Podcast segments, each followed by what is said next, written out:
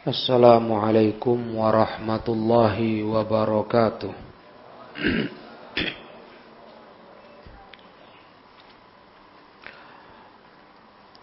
Innal hamdalillah wa nasta'inuhu wa nastaghfiruh wa na'udzu billahi min shururi anfusina wa min sayyiati a'malina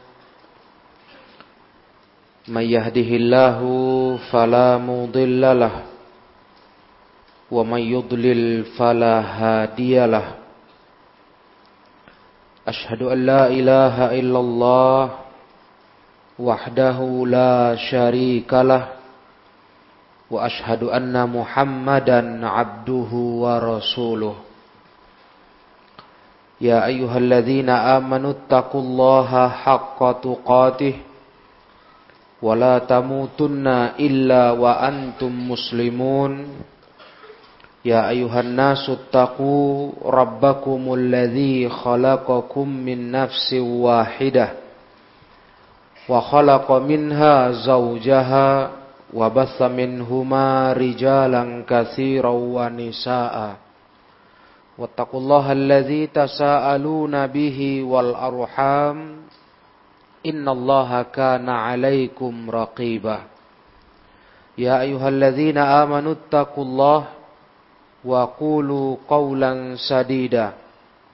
Yuslih lakum ma'malakum wa yaghfir lakum dhunubakum. Wa may yuti'illaha wa rasulahu faqad faza fawzan 'azima. Fa in asdaqal hadits kitabullah وخير الهدى هدى رسول الله صلى الله عليه وسلم wa syarrul umuri muhdatsatuha fa inna kulla muhdatsatin bid'ah wa kulla bid'atin dhalalah wa kulla dhalalatin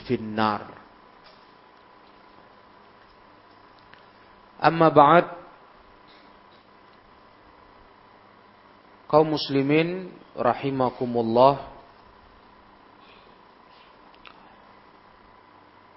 Melanjutkan pelajaran kitab Bulughul Maram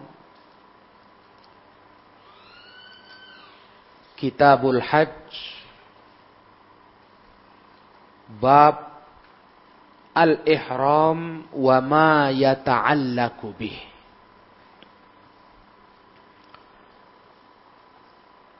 Dari Kitabul Hajj kita sudah masuk malam hari ini ke dalam bab tentang ihram dan apa-apa yang terkait dengan hukum ihram. Jadi kalau sebelumnya dalam bab wujubul ihram wajibnya berihram Dalam bab itu kita diperkenalkan tentang jenis-jenis pengamalan ibadah haji. Yang mana jenisnya itu ada tiga. Tiga bentuk pengamalan ibadah haji. Yang pertama ada haji ifrat. Haji ifrat adalah haji yang diamalkan secara tersendiri dalam niat orang yang berihram. Sedangkan yang kedua haji qiran yang menggandengkan antara niat hajinya dengan umrah. Barulah yang ketiga, haji tamattu. Itulah haji jamaah Indonesia. yang mendahulukan amalan umrah baru kemudian menunggu sampai masuknya tanggal pelaksanaan ibadah haji. Nah, itu tiga bentuk haji. Yang ketiga-tiganya dibenarkan untuk diamalkan bagi kaum muslimin. Hanya saja para ikhwah yang terbaiknya adalah melihat kondisi jamaah haji itu sendiri. Kita sudah bahas pada kajian yang lalu. Untuk jamaah haji Indonesia yang berangkat dari Indonesia. Yang paling cocok adalah haji tamattu. Ya, perkara yang paling utama apakah tamattu atau haji yang satunya ya, haji ifrat itu memang berselisih ulama. Tapi yang terpenting ma'asyiral ikhwah rahimakumullah. Melihat kondisi perjalanan dengan waktu yang disediakan pemerintah kita. Maka haji yang tepat adalah haji tamattu. Itulah haji untuk jamaah Indonesia. Nah, setelah itu selesai ada dua hadis dimuat Ibnu Hajar al Asqalani dalam bab tersebut. Nah, maka berikut ini para ikhwah yang dimuliakan Allah, kita akan bicara bab tentang ihram dan yang terkait dengannya. yakni tentang masalah amaliyah seorang yang berihram atau bahasa Arabnya muhrim. Dalam bab ini dimulai dari hadis ke-606.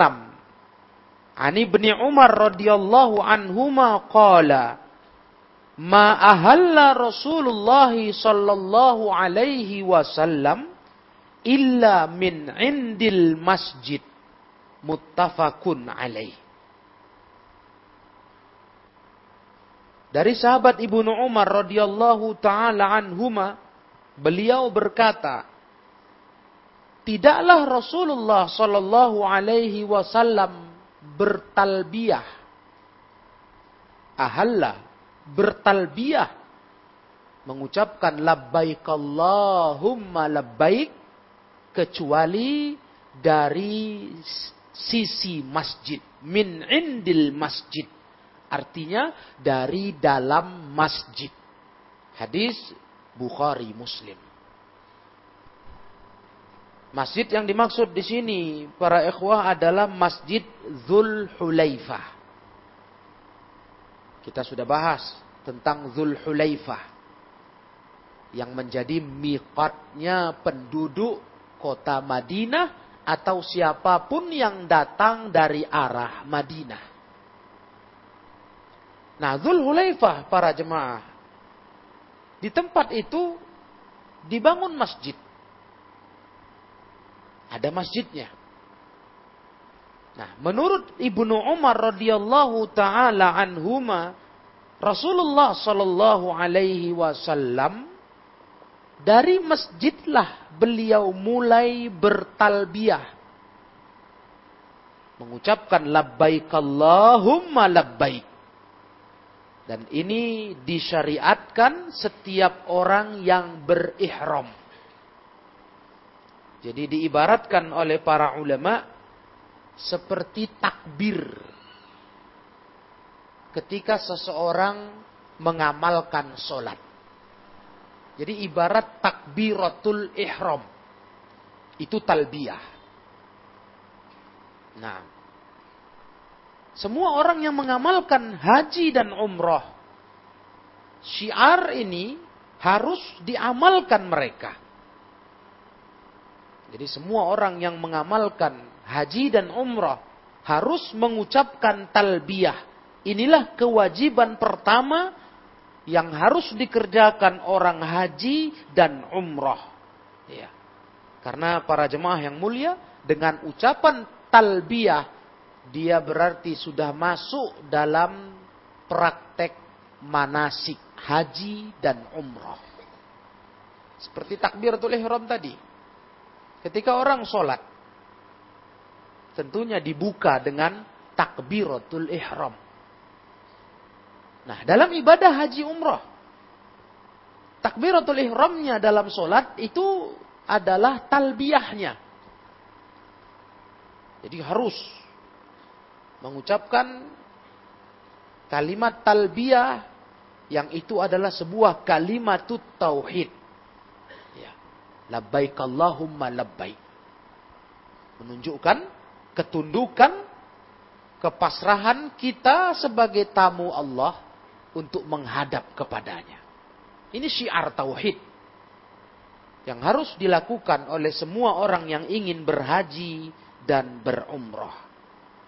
Nah, di sini ma'asyiral ikhwah yang mulia. Sahabat Ibnu Umar menegaskan dimulainya talbiyah Nabi Shallallahu Alaihi Wasallam itu dari Masjid Zul Hulaifah. Karena ada pendapat lain para ikhwah. Pendapat lain yang mengatakan Rasulullah Shallallahu Alaihi Wasallam bertalbiyah itu bukan dari masjid, tapi dari Al-Baida.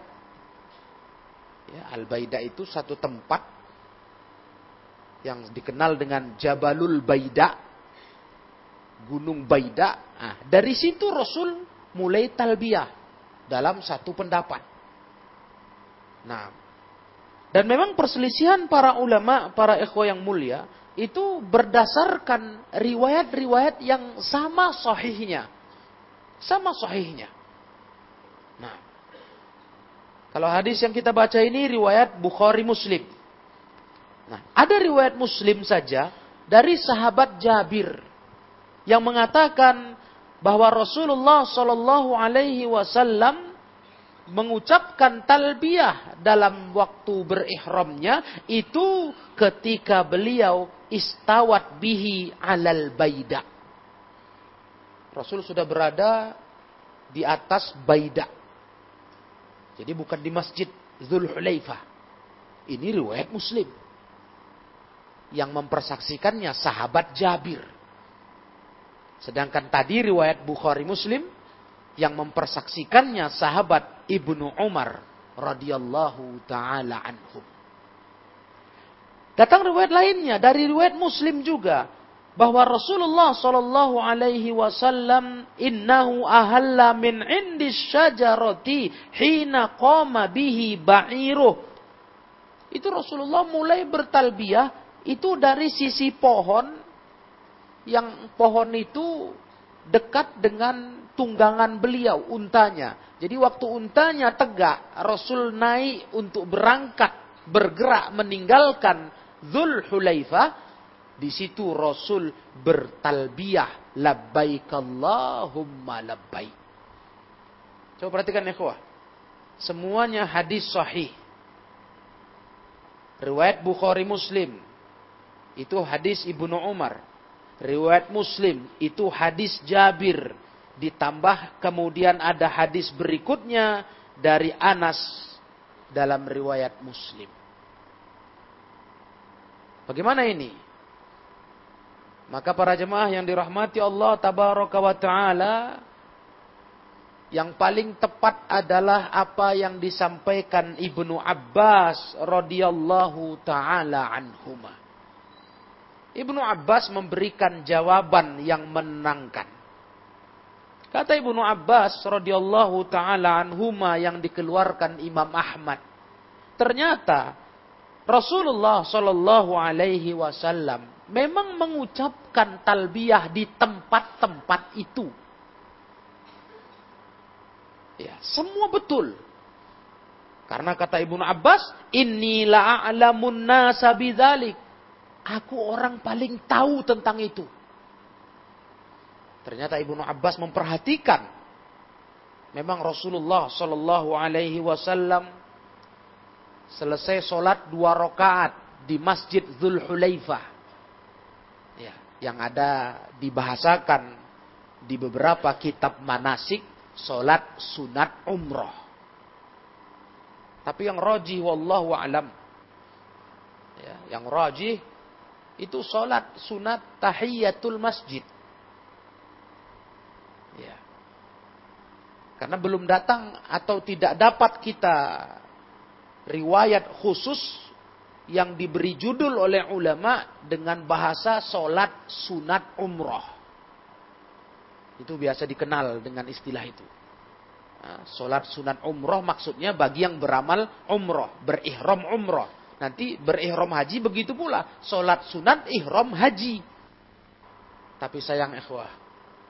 Penamaan dari para ulama-ulama fikih. Dalam kitab-kitab hadis tidak didapati. Penamaan tentang sholat khusus untuk berihram umroh dan haji. Jadi apa ini para ikhwah? Yang lebih tepat sebenarnya itu sholat sunat. Tahiyatul masjid. Ketika ingin duduk di masjid Zulhulaifah. Dianjurkan tentu sholat sunat tahiyatul masjid.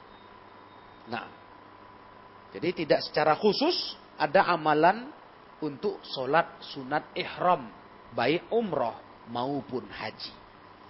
Nah, para ikhwah, Rasulullah pernah kata Ibnu Abbas. Habis sholat sunat dua rakaat, Rasulullah Sallallahu Wasallam langsung ahalla bil haji, langsung beliau bertalbiyah haji. Labbaik Allahumma labbaik. Langsung labbaik Allahumma hajjan. Langsung. Jadi itu pernah betul yang Rasul amalkan seperti persaksian Ibnu Umar. Ya. Itu nggak salah betul. Betul sekali itu para ikhwan mulia. Kemudian kata Ibnu Abbas, begitu pula Rasulullah Shallallahu Alaihi Wasallam ketika sudah di atas untanya siap untuk bergerak berangkat menuju Makkah juga betul. Rasulullah pun bertalbiyah di situ. Jadi kemungkinannya begini para ikhwah. Jadi sahabat-sahabat ini ada yang hanya mendengar Nabi waktu di masjid. Ya. Ketika Rasulullah SAW di atas tunggangannya, untanya untuk bergerak, yang mendengar yang lain lagi. Begitu. Nah ketika Rasulullah di atas Baida, ya, Jabal Baida, Rasul talbiyah lagi, ada lagi sahabat lain yang mendengar. Itulah dia kata Ibnu Abbas. Sehingga mereka masing-masing menyampaikan apa yang mereka persaksikan dari amalan Rasulullah Sallallahu Alaihi Wasallam. Jadi hakikatnya para ikhwah yang dirahmati Allah Tabaraka wa Ta'ala. Talbiyah Nabi Wasallam untuk berhaji waktu itu. Ya, ini kan riwayatnya riwayat ihram hajinya Nabi. Itu Rasul bertalbiyah terus sejak dari masjid Sejak dari masjid. Selesai sholat Rasul talbiyah. Dan itu diteruskan Nabi Wasallam. Dan memang sunnah dalam amalan berihram, talbiyah itu terus diucapkan sejak kita berniat untuk berihram. Nah, di sini para ikhwah yang mulia, jamaah haji, jamaah umroh harus perhatian betul-betul sunnah Nabi ini. Begitu mereka sudah berada di Zulhulaifah. Ya. Dan mereka sudah memasang niat untuk melaksanakan ibadah haji atau umroh.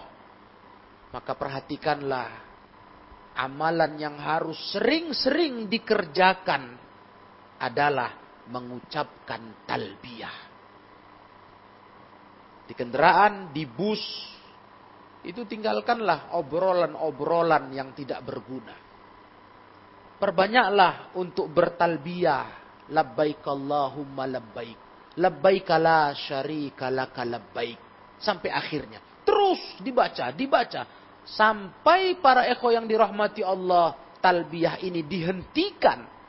Ketika kita masuk Masjidil Haram, bersiap-siap untuk tawaf. Tawaf umroh. Barulah talbiyah dihentikan.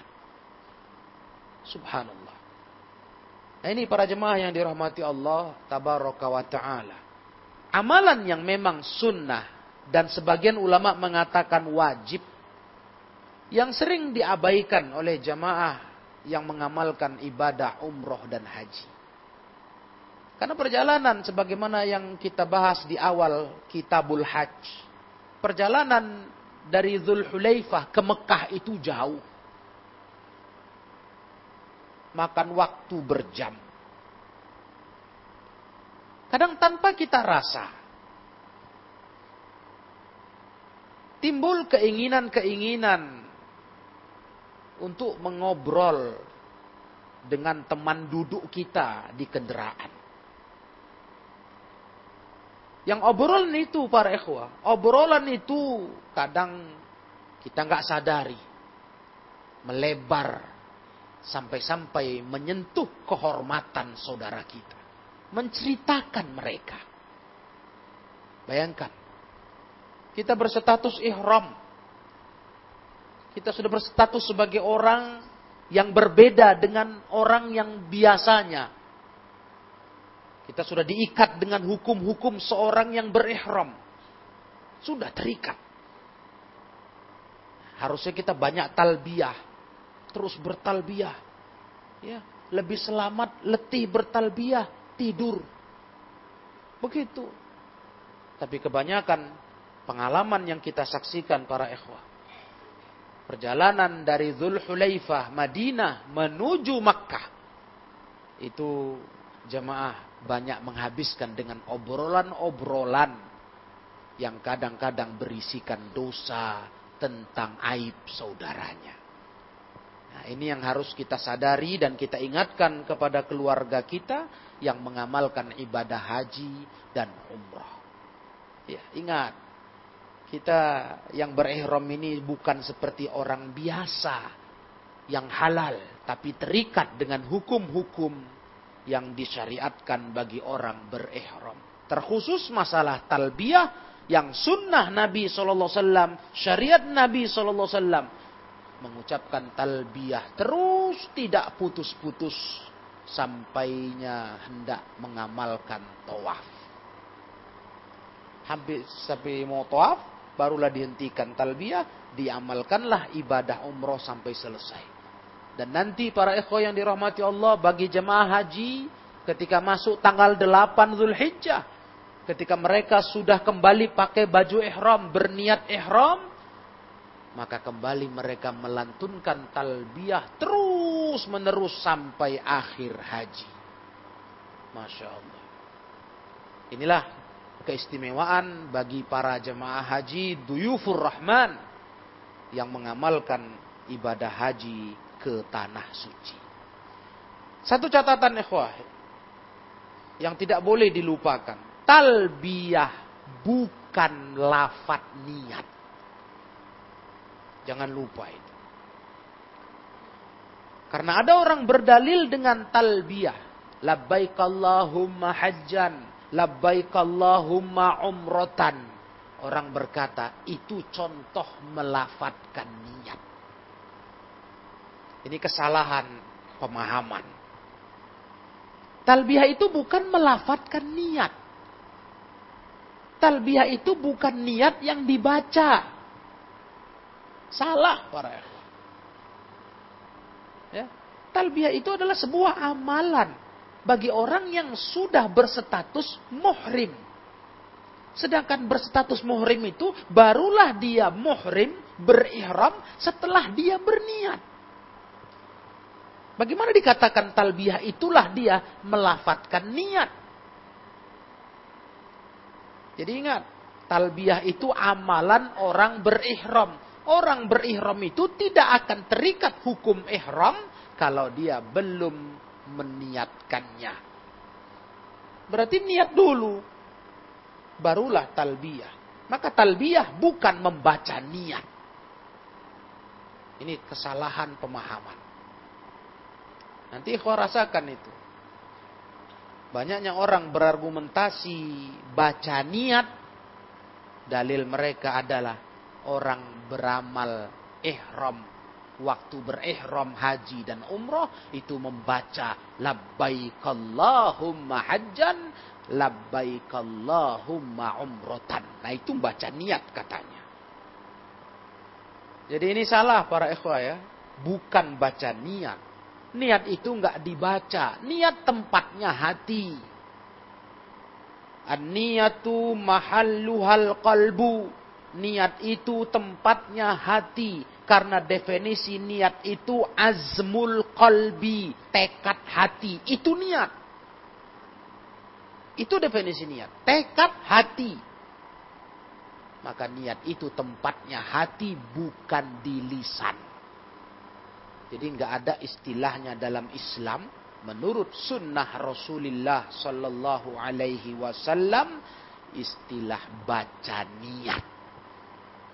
Itu bukan amalan lidah, amalan hati.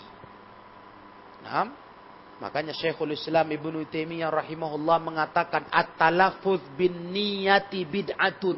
Melafatkan niat itu bid'ah. Itu keliru. Niat kok dibaca.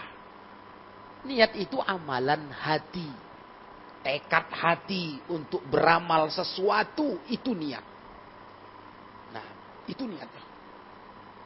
Dan sesungguhnya orang yang mengharuskan baca niat baru betul dia tidak konsekuen dengan dengan ucapan itu. Ini tambahan faedah untuk para jemaah semuanya. Dia tidak konsekuen. Kenapa para ikhwan mulia? Karena semua amalan dengan niat. Innamal amalu bin niat. Semua amalan dengan niat. Sekarang, adakah orang untuk semua amalan dia baca niatnya? Siapa yang sanggup? Apa pun itu amalannya. Hah? Coba para ikhwan yang dirahmati Allah.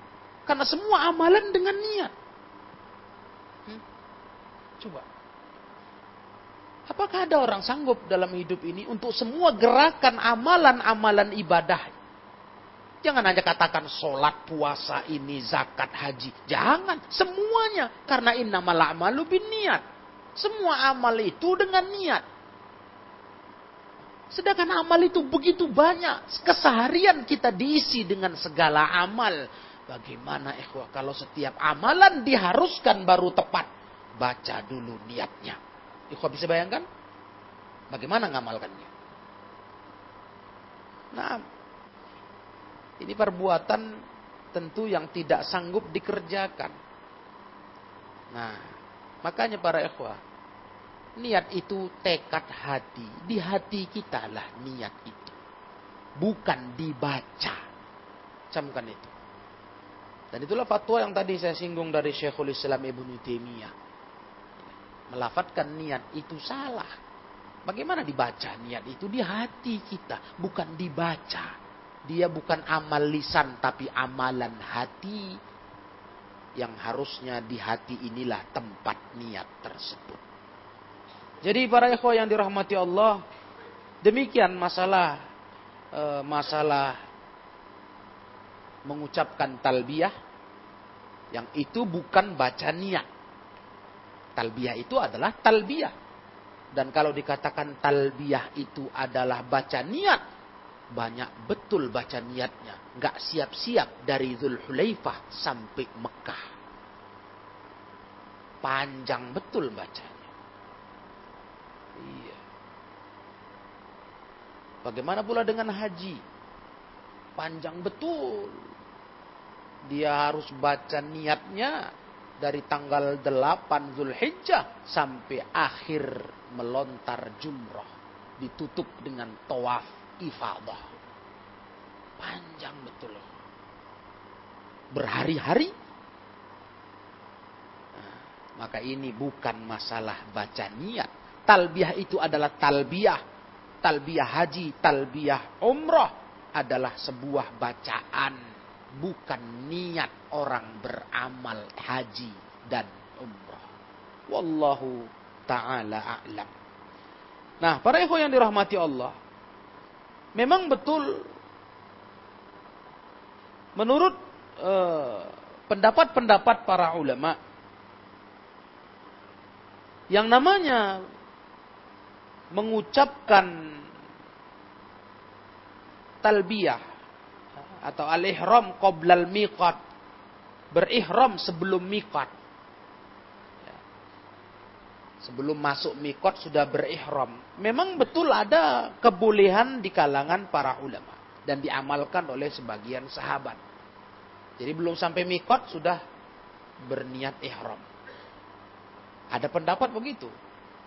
Hukumnya boleh.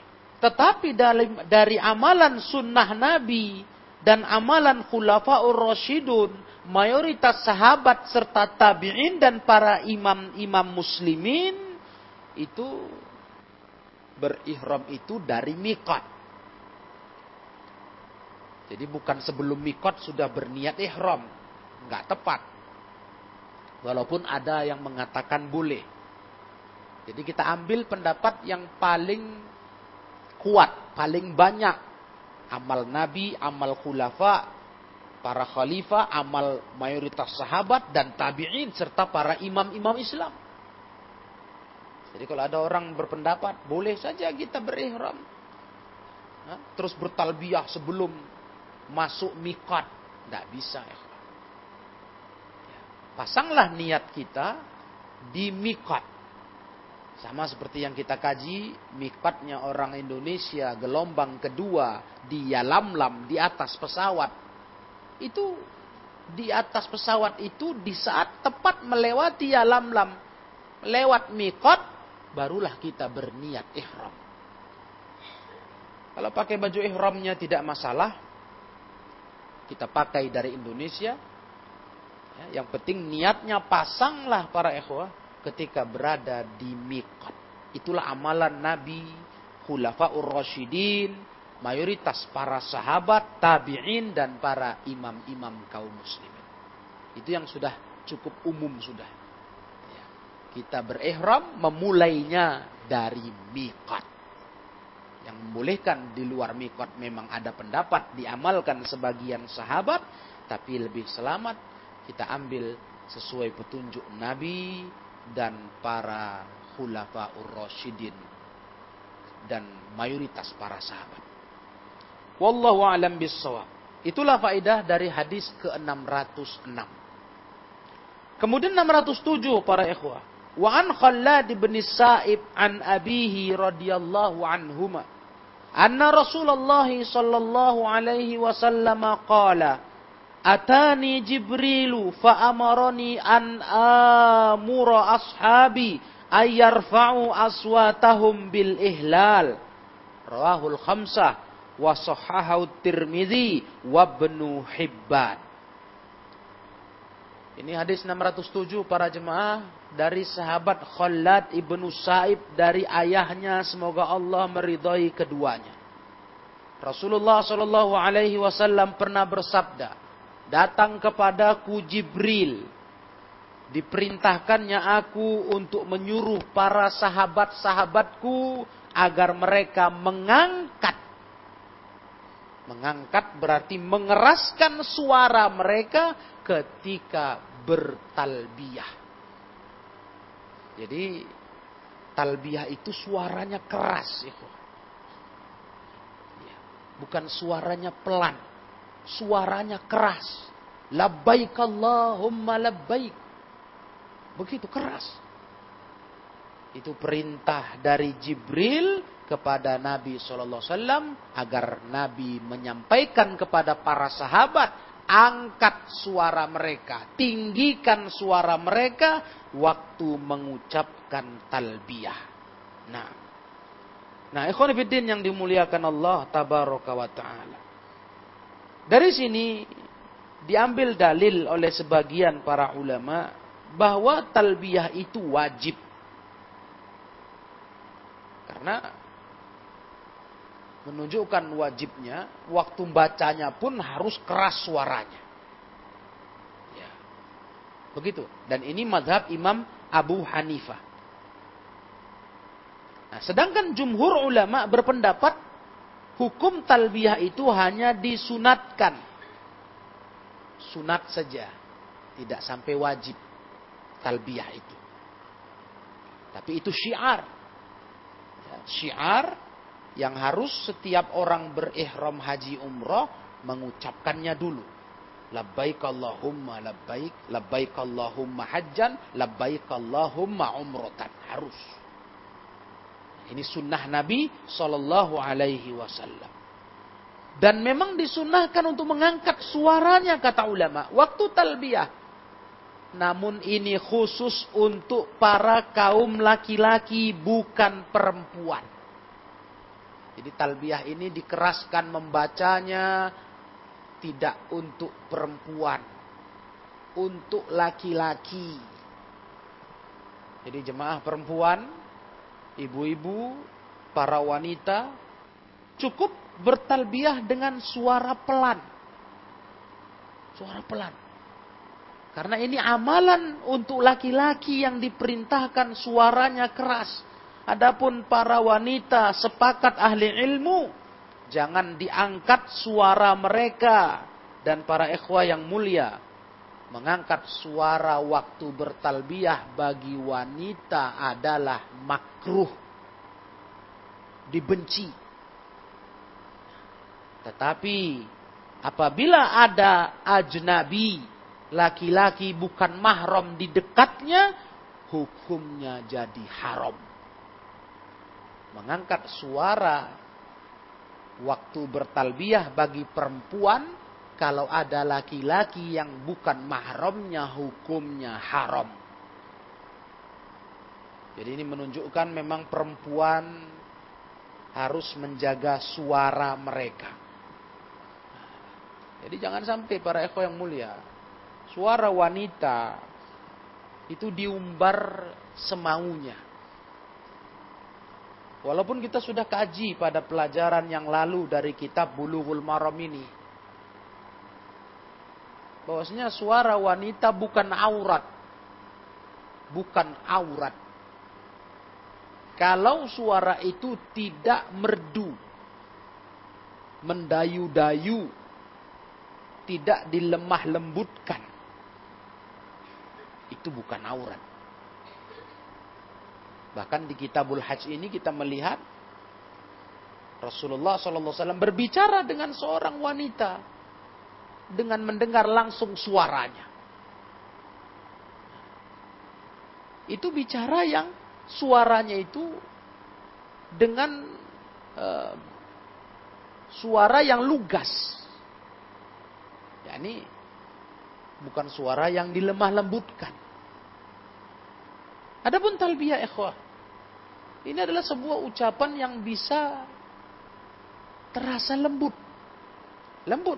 Labbaik Allahumma labbaik. Ini sebuah ucapan yang lembut sekali. Nah, maka untuk para wanita, para jemaah yang mulia dilarang untuk mengeraskan suara mereka mengucapkan talbiyah. Makruh hukumnya. Kalau tidak ada laki-laki yang tidak mahramnya. Tapi kalau ada laki-laki yang tidak mahramnya di situ haram hukumnya.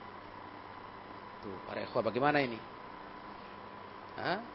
Kalau kita perhatikan sisi fikih ini, maka terasa betul orang-orang yang meremehkan urusan perempuan-perempuan yang tidak bermahram ya berangkat haji dan umroh dengan dalih itu perjalanan yang sakral, penuh dengan suasana nuansa ibadah. Janganlah penuh kecurigaan saja kita dengan para wanita-wanita tersebut. Maka ikhwah coba jawab dia dengan riwayat, dengan pendapat ini. Kalau betul memang perjalanan ibadah haji umroh itu yang penuh dengan nuansa ibadah bisa untuk alasan. Alasan jangan dicurigai, dikhawatirkan syahwat-syahwat laki-laki ke perempuan yang gak mahram, Coba jawab apa yang kita baca malam hari ini. Bagaimana lah ikhwah? Hah? Apa nggak terlalu curiga namanya? Ucapan talbiyah saja pun perempuan tak boleh suara keras kalau ada laki-laki nggak mahram. Nggak terlalu curiga itu namanya. Kan nuansa ibadah. Nuansa ibadah yang sangat kental. Muhrim kita sedang berihram. Kalau memang tak ada yang perlu dikhawatirkan dari syahwat laki-laki ke perempuan. Untuk apa dilarang agama? Talbiyah haji umroh pun kalau perempuan itu di sekitarnya ada laki-laki nggak mahramnya haram dia keraskan suaranya. Untuk apa? Kalau memang tidak ada kekhawatiran syahwat. Jelas ya nah, maka jangan remehkanlah wahai kaum muslimin tentang bahaya wanita-wanita berangkat haji umroh tanpa mahram. Jangan sepelekan, kecilkan masalah itu. Dengan mengatakan ini adalah zaman yang sudah sangat aman untuk wanita-wanita itu. Sehingga bisa dititipkan dengan mahram-mahram sewaan tersebut. Nauzubillah min Coba. Ini talbiyah cuma, cuma talbiyah ikhwah.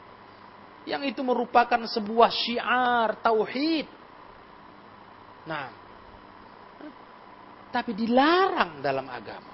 Wanita nggak boleh membaca talbiyah dengan keras. Haram kalau ada laki-laki nggak mahram di sekitarnya. Kalaupun nggak ada laki-laki yang nggak mahram, makruh.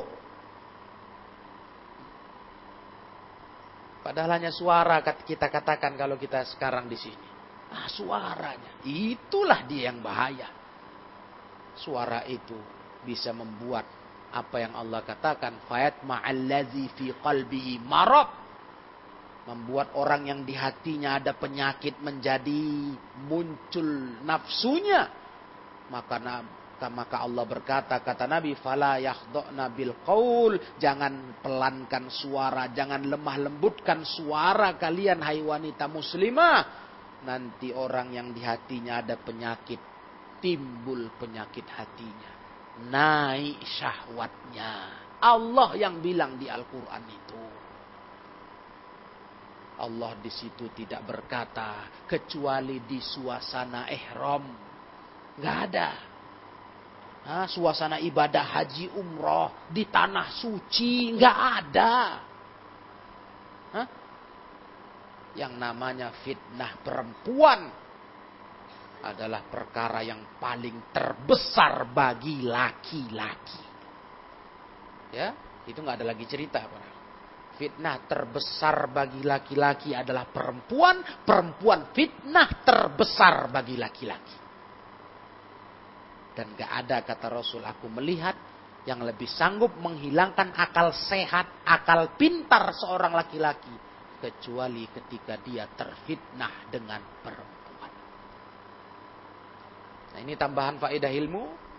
Jadi kita sadar dari masalah hukum talbiyah yang wanita disuruh melembutkan atau merendahkan suaranya, tidak mengeraskan, menunjukkan betapa tidak ada bedanya fitnah perempuan di saat kita di tanah haram atau di luar tanah haram.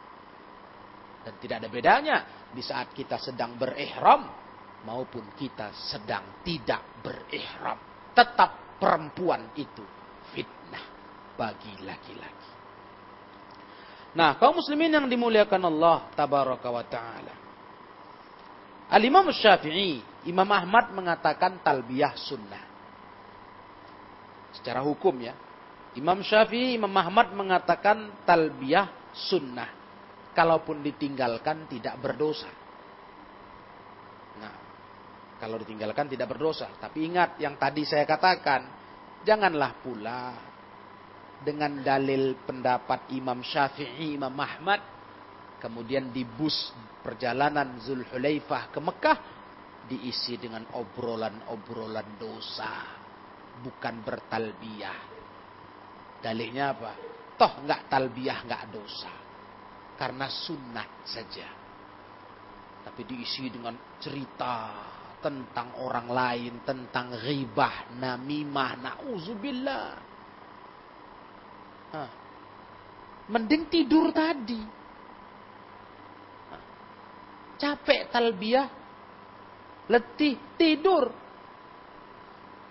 Tapi ini ngobrol, fulan begini, alan begitu, fulana, masya Allah. Ini kita dengar ya, Beberapa kali kita bawa rombongan jamaah umroh. Begitulah kondisinya.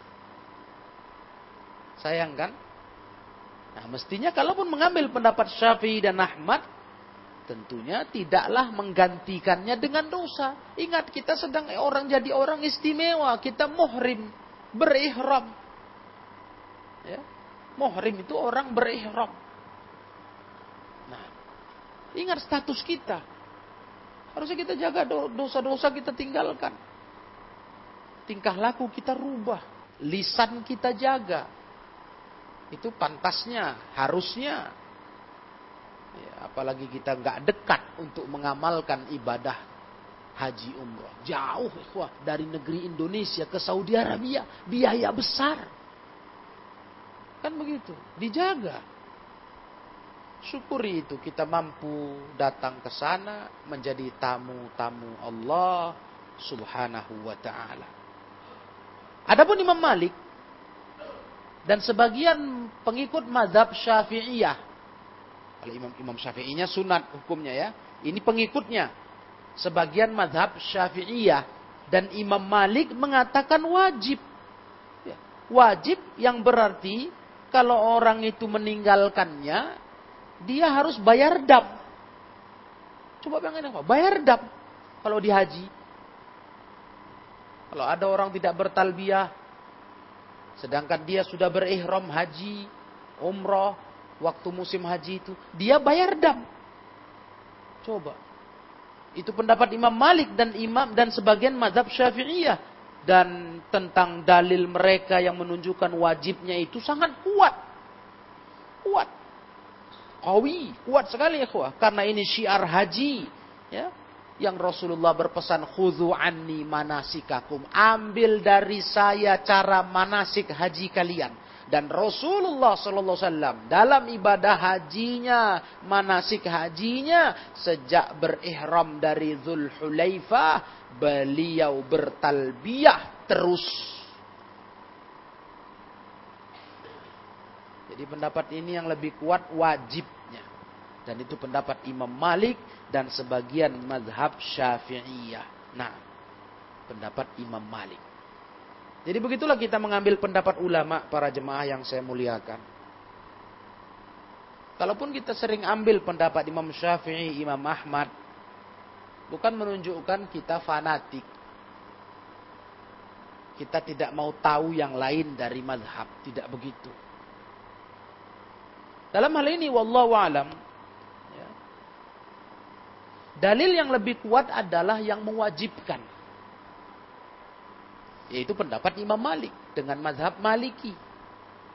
Bukan Syafi'i, bukan Hambali. Nah, ini yang lebih nampak zahir, mana yang lebih kuat. Makanya Syekh Abdullah Ali Bassam, pensyarah kitab Bulughul Maram, walaupun beliau dikenal sebagai salah satu yang cenderungnya kuat ke mazhab Hambali dan beliau selalu sering menguatkan mazhab Hambali. Tapi dalam hal ini para ikhwah beliau berkata wadalilu wujubiha qawiyun. Itu menunjukkan ulama-ulama kontemporer zaman sekarang pun tidak mengajarkan kita fanatik mazhab kalau ikut mazhabnya beliau adalah Hambali Tentu beliau mengatakan sunat, hukum sunat bertalbiyah yang lebih kuat. Tapi beliau malah berkata, dalil wajibnya, hukum wajibnya talbiyah itu, itulah yang kawi, yang kuat.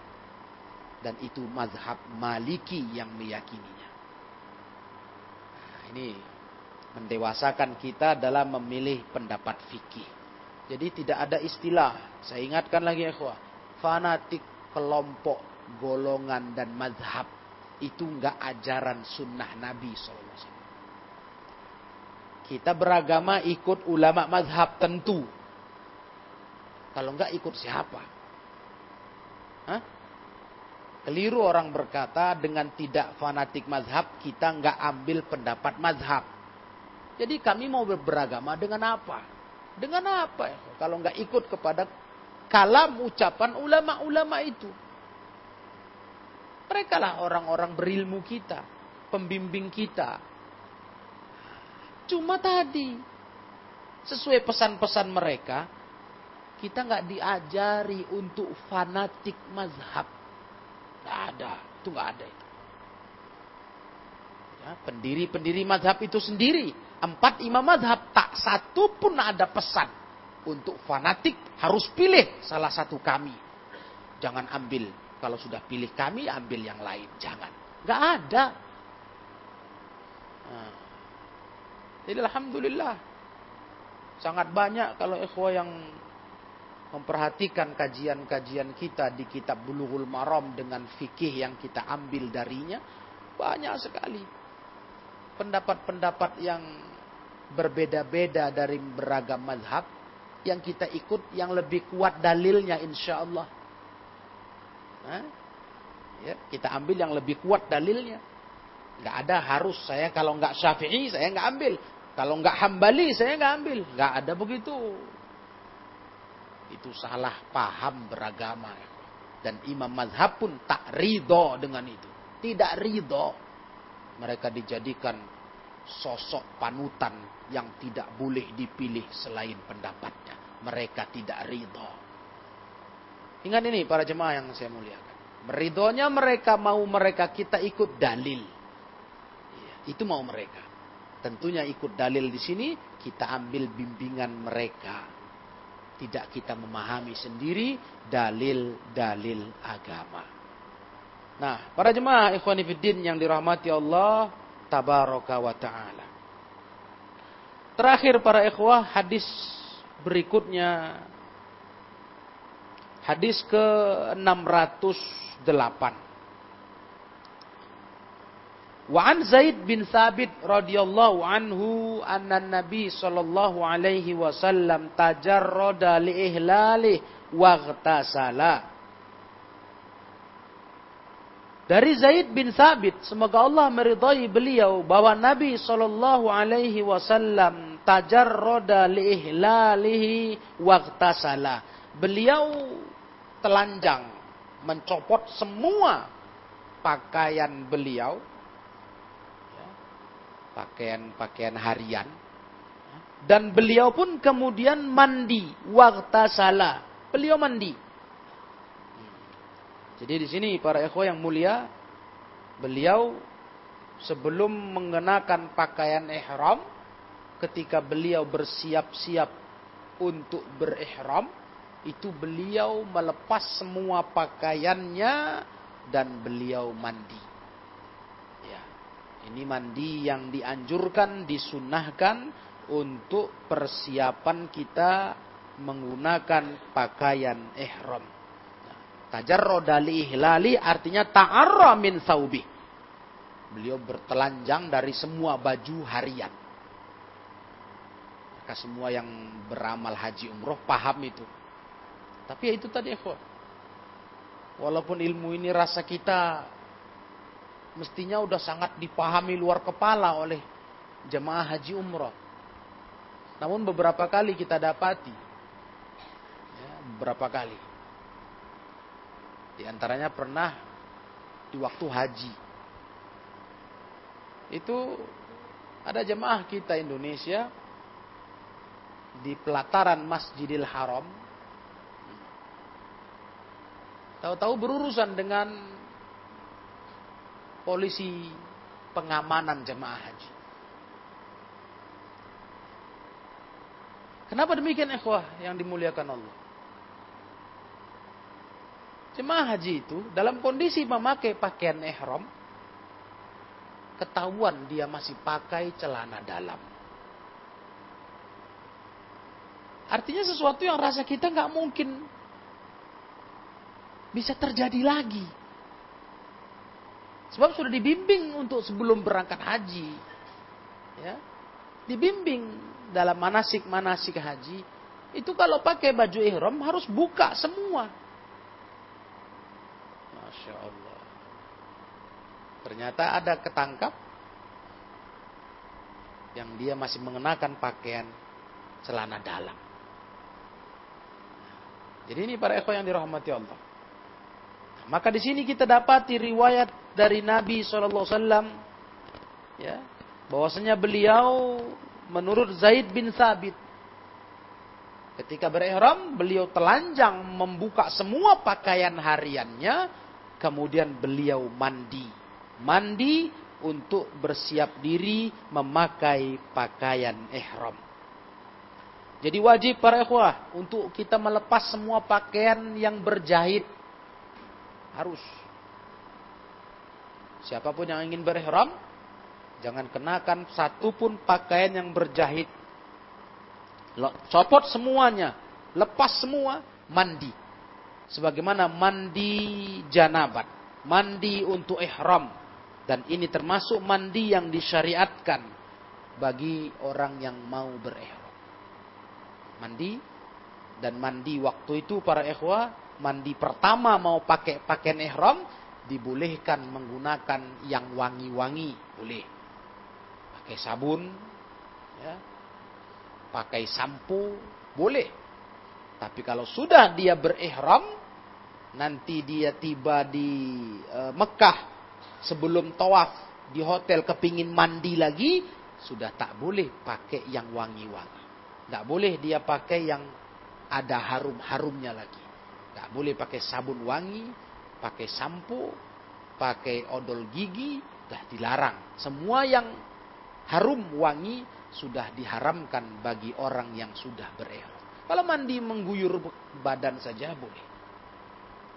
Ya, dan itu biasa kita lakukan para ikhwah karena e, gerahnya perjalanan dari Zulhulaifah ke Mekah tiba di Mekah sebelum berangkat e, ke masjid Masjidil Haram mengamalkan ritual umroh maka di hotel itu ada waktu diberikan kepada jamaah kalau ada yang mau mandi mau menyiram badan dengan catatan jangan sentuh yang wangi silahkan tapi ketika di awal di Madinah di hotel kita mandi maka kita dianjurkan malah untuk membersih badan wangi-wangi betul. Ya. Membersihkan dengan sabun wangi, bahkan ketika kita siap mandi masih bisa pakai minyak wangi. Nah, karena kita belum berihram. Nah, baru kemudian pakai baju ihram, nanti di Zulhulaifah kita berniat ihram sudah tak boleh menyentuh semua yang wangi-wangi. Itu salah satu larangan orang berihram. Nah, para yang dimuliakan Allah tabaraka wa taala. Nah, nanti di sini dalam pelajaran hadis ke 608 kita akan tambahkan perkara apa saja yang dibolehkan bagi orang yang berihram selain mengenakan pakaian ihram dua lembar itu ya, atas bawah. Karena nanti pentingnya ilmu ini sebab banyak menjadi pertanyaan jamaah haji dan umrah. Di sini kan disebutkan para ikhwah, Nabi SAW mencopot seluruh pakaian beliau yang sifatnya minal makhid, yang berjahit.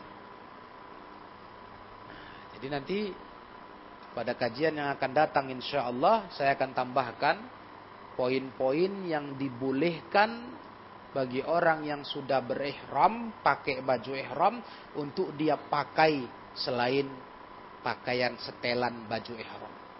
Apa-apa saja hal-hal yang boleh dia kenakan di tubuhnya.